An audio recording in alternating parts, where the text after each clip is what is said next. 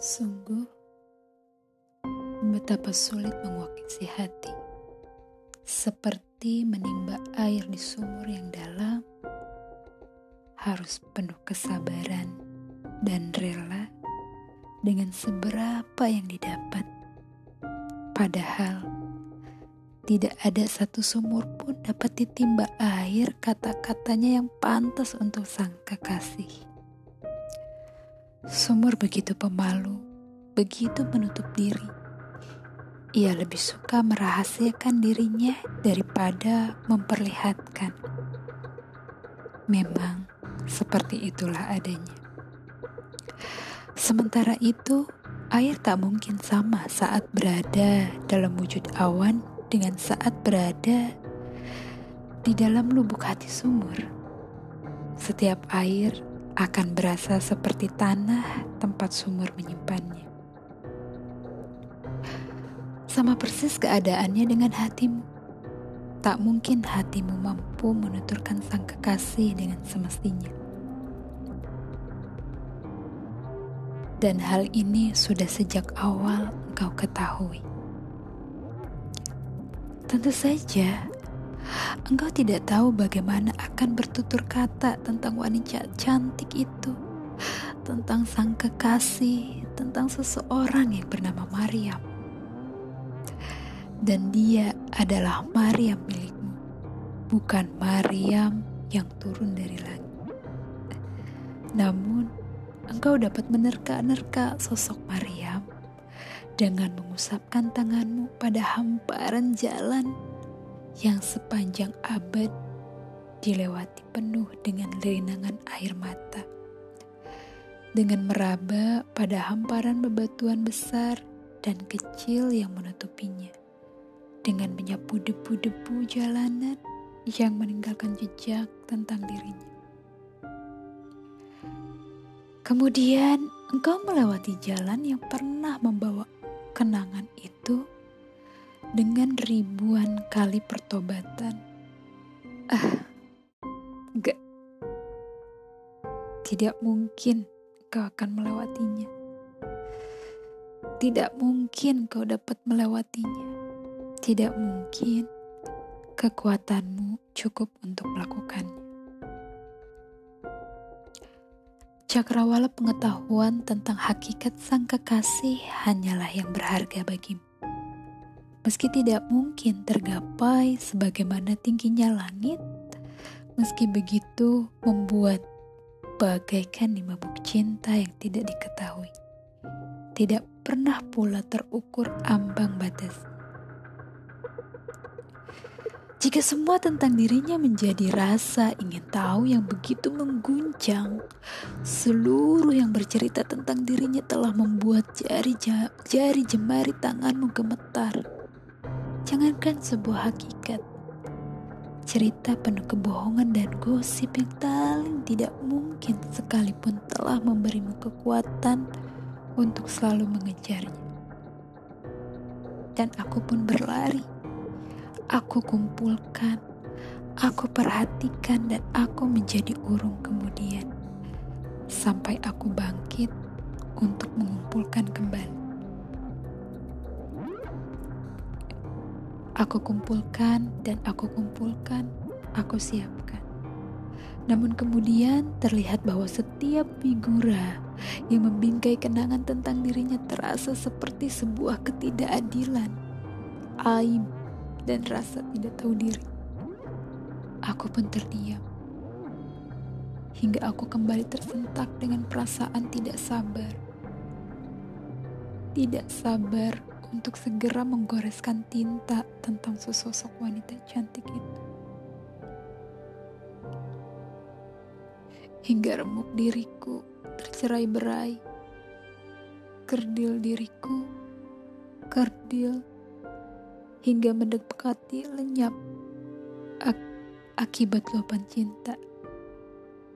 Inilah yang untuk sekali lagi aku ketahui, sampai ia pun mengajariku bertata krama seperti seorang malang yang ditempa untuk pengabdian. Mereka adalah orang-orang sebelum kami yang bertanya kepada Syekh, Apa jadinya seorang yang mencintai? Mereka itu para pembantu dan budak Maryam yang menuliskan namanya pada bebatuan pegunungan demi mendapati sesosok dirinya pada setiap apa saja yang dilihatnya. Sementara itu, sebagian yang lain melukiskan sosok dirinya agar tidak pernah lupa dan meninggalkan. Yang lain lagi mencoba melupakan guncangan cintanya dengan menuliskan ke dalam bait-bait puisi. Seperti orang yang minum sampai mabuk tanpa bisa berbuat apa-apa. Setiap disebut nama Maryam, semua orang yang mencintainya. Kita menyebutnya para penggila, tetap meniti jalan sekehendak mereka sendiri. Sementara itu, diriku adalah orang baru. Karena itu, Aku lewati jalan mereka semua satu persatu tanpa pernah mengenal jemu. Aku kunjungi setiap mimbar kajian kitab-kitab lama. Cerita-cerita terdahulu, kisah-kisah penuh hikmah, perjanjian lama dan baru, Majmur, Al-Quran Al-Karim, Kasidah Gubahan Daud alaihissalam, Suhuf Idris alaihissalam yang hilang berserakan, Kitab-kitab tabir mimpi, zodiak, petak bintang, rintihan-rintihan para unta yang dengan sabar menarik pasungnya. Kisah yang terucap dari penuturan buah zaitun tentang dirinya. Cerita ikona, lukisan-lukisan, serta goresan-goresan karya kaligrafi. Aku dengarkan semuanya tanpa sedikit pun menyela untuk berbicara.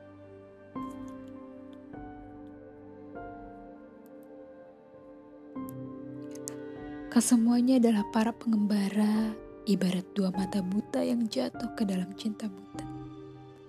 Sampai selang beberapa lama aku dapati diriku seolah bersimpuh di depan tungku perapian, mendengarkan penurutan, mendengarkan penuturan cerita sepanjang suami istri.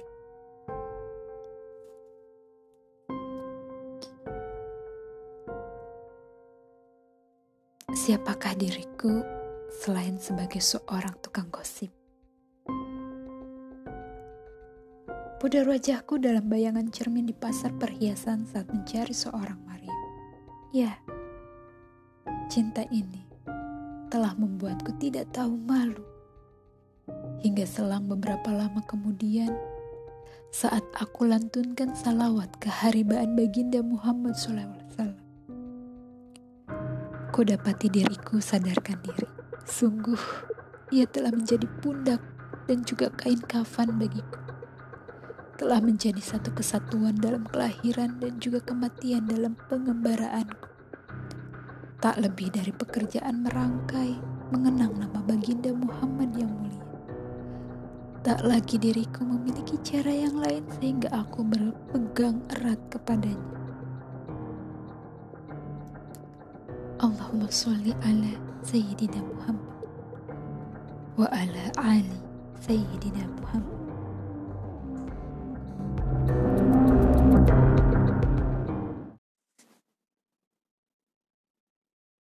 Tulang rusuk dan pemiliknya tak akan pernah tertukar dan akan bertemu pada saat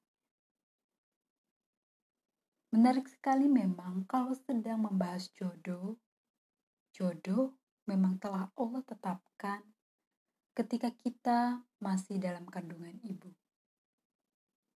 Namun, bagaimanapun juga, jodoh adalah kita yang memilih. Kitalah yang harus berusaha mencari dan menentukan pilihan. Kita tidak bisa hanya tinggal diam dan menunggu jodoh datang. Allah yang menentukan siapa orang tua kita ketika kita dilahirkan di dunia ini. Begitu juga anak kita nanti. Allah lah yang menentukan orang tua kita. Namun, untuk pasangan hidup, meski telah Allah tetapkan, tetap kitalah yang memilihnya. Hadirnya jodoh sering kali tak mudah ditebak. Meskipun manusia telah bersusah payah berikhtiar, tapi takdir Allah lah yang kelak menentukan seseorang berjodoh dengan siapa. Seseorang yang semula kita cintai dan diyakini akan menjadi pendamping hidup, ternyata malah bersanding dengan orang lain. Sebaliknya, seseorang yang tak disangka-sangka sebelumnya justru datang dan menjadi pendamping hidup bagi kita. Itulah kehidupan yang penuh dengan rahasia ilahi. Ketika Nabi Adam dan Siti Hawa terpisah, kemudian bertemu kembali, memang telah menjadi ketetapannya. Namun, tidak semata-mata Adam yang bergerak mencari Hawa. Sementara Hawa hanya berdiam diri.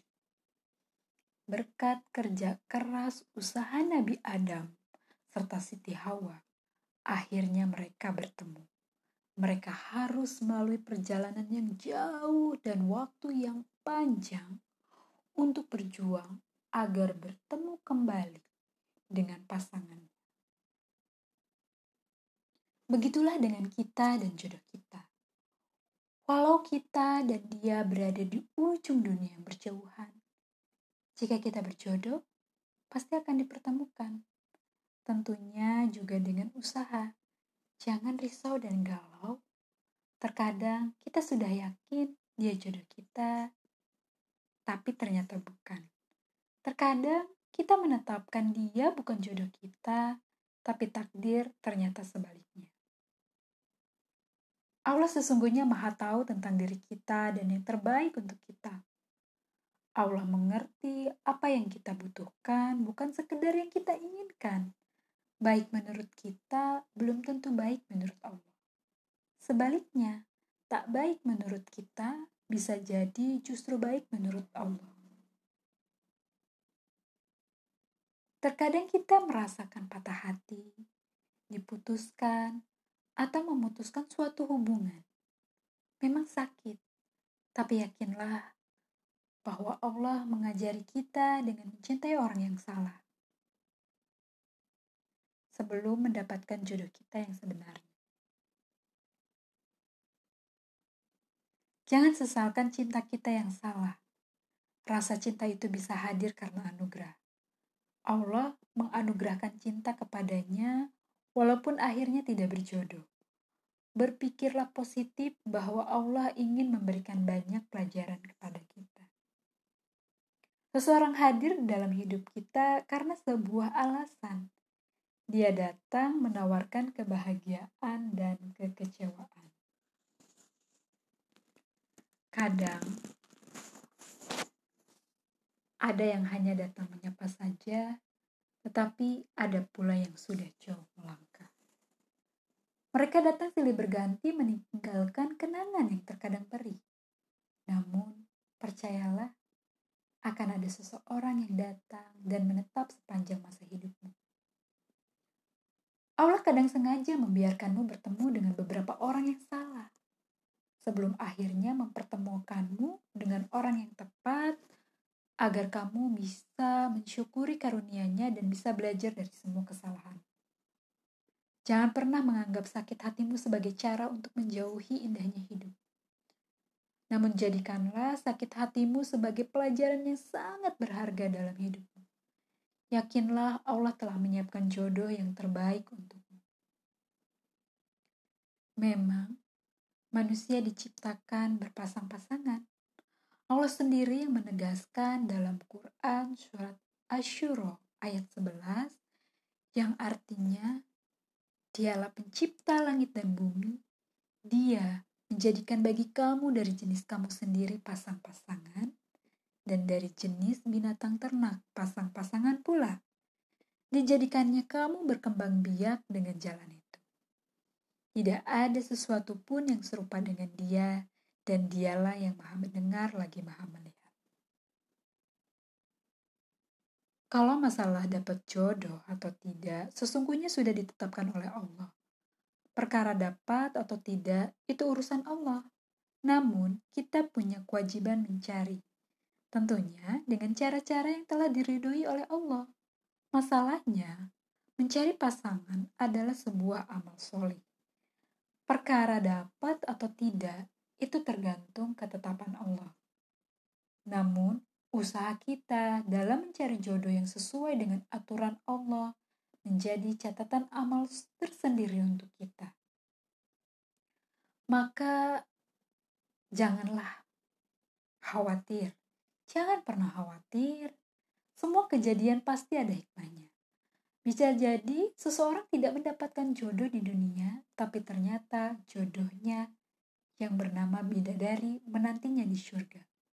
Bukankah kita sering mendengar kisah para sahabat yang rindu mati syahid untuk bertemu jodohnya yang bernama bidadari surga? Maka tetaplah yakin bahwa manusia memang diciptakan berpasang-pasangan. Jangan khawatir, kecewa, ataupun mendahului ketetapan Allah dengan menempuh jalan yang salah. Benarlah bahwa tulang rusuk itu tidak akan terpisah dari pemiliknya. Masihkah saja kamu biarkan hatimu menuliskan puisi-puisi cinta tanpa makna di mata Rabbu? Masihkah kamu ingin melukiskan wajah yang rupawan di tiap kanvas cintamu yang belum pasti? Terkadang sulit untuk memahami mengapa Allah menghadirkan seseorang dalam kehidupan kita. Berawal dari saling mengenal, tanpa kita sadari, benih-benih cinta ikut tumbuh di sana. Orang bijak berkata, Bukanlah cinta itu yang salah, karena ia fitrah. Siapa pun pasti merasakannya. Yang salah adalah jika kita menyikapi cinta yang belum halal itu layaknya sesuatu yang halal untuk kita. Terkadang kita menginginkan sesuatu yang lebih. Perhatiannya, kasih sayangnya, dan barangkali ingin sekali mendengar ucapannya. Aku mencintaimu dan aku merindukanmu. Ingin rasanya sesekali dia mengunjungi kita dengan membawa setangkai mawar indah sebagai bukti bahwa dia mencintai kita. Tak lupa kita pun ingin dia menuliskan bait-bait puisi cinta yang begitu syahdu. Lantas, kita sering bertanya padanya, Bisakah dirimu romantis? Bisakah dirimu memberikan waktumu berdua denganku? Namun dikala kita sadar, terbersit tanya di hati, benarkah cinta sebelum halal itu harus dibuktikan dengan cara demikian? Pada hakikatnya, cinta itu suci, datang dari Allah, biarlah Allah yang mengatur segalanya, hingga keindahan itu datang pada waktunya. Sebelum halal, bersabarlah dengan mencintainya secara sederhana dan tidak berlebihan. Jangan kotori cinta yang suci itu dengan aktivitas pacaran atau hal-hal yang mendatangkan murka Allah. Cara yang terbaik adalah memperbaiki kualitas diri kita agar kita pantas bersanding dengan jodoh yang kelak Allah pilihkan untuk kita. Saudaraku, cinta terkadang tumbuh dengan sendirinya. Cinta itu tiba-tiba ada dan sekuat apa pun kita berusaha menghapusnya dari hati. Kenyataannya tiba tidak bisa. Karena sesungguhnya Allah lah yang menumbuhkannya. Allah yang menggerakkan hati kita untuk mencintainya. Maka cara yang indah adalah meminta kepada Allah apa yang terbaik menurut Allah. Pasrahkan diri kita kepadanya melalui doa dan istikharah. Bersabarlah dan mintalah ketetapan yang pasti atas hadirnya cinta itu. Namun, terkadang cinta tidak tumbuh dengan sendirinya. Seiring perjalanan waktu dan kebersamaan yang tak terhindarkan, cinta pun tumbuh menyertainya. Ibarat biji, kitalah yang menanam, merawat, memupuk, dan menyiramnya dengan macam kebaikan maka cinta akan tumbuh seiring ketekunan kita dalam merawatnya. Hal yang harus diwaspadai adalah jika cinta tumbuh tidak pada tempatnya. Misalnya, yang kita cintai sudah memiliki pasangan halal. Cinta yang demikian ini tidak boleh dipelihara. Sekuat tenaga, carilah kesibukan agar tidak lagi terkenang dengan dirinya. Dan mintalah pada Allah ganti yang lebih baik. Kalau semua jalan sudah kita tempuh, tapi belum berhasil, maka bersabarlah atas takdir cinta yang bukan milik kita. Ini adalah ujian dari Allah. Insya Allah, kelak Allah akan memberi pasangan yang terbaik pada waktu yang tepat dan dengan orang yang tepat.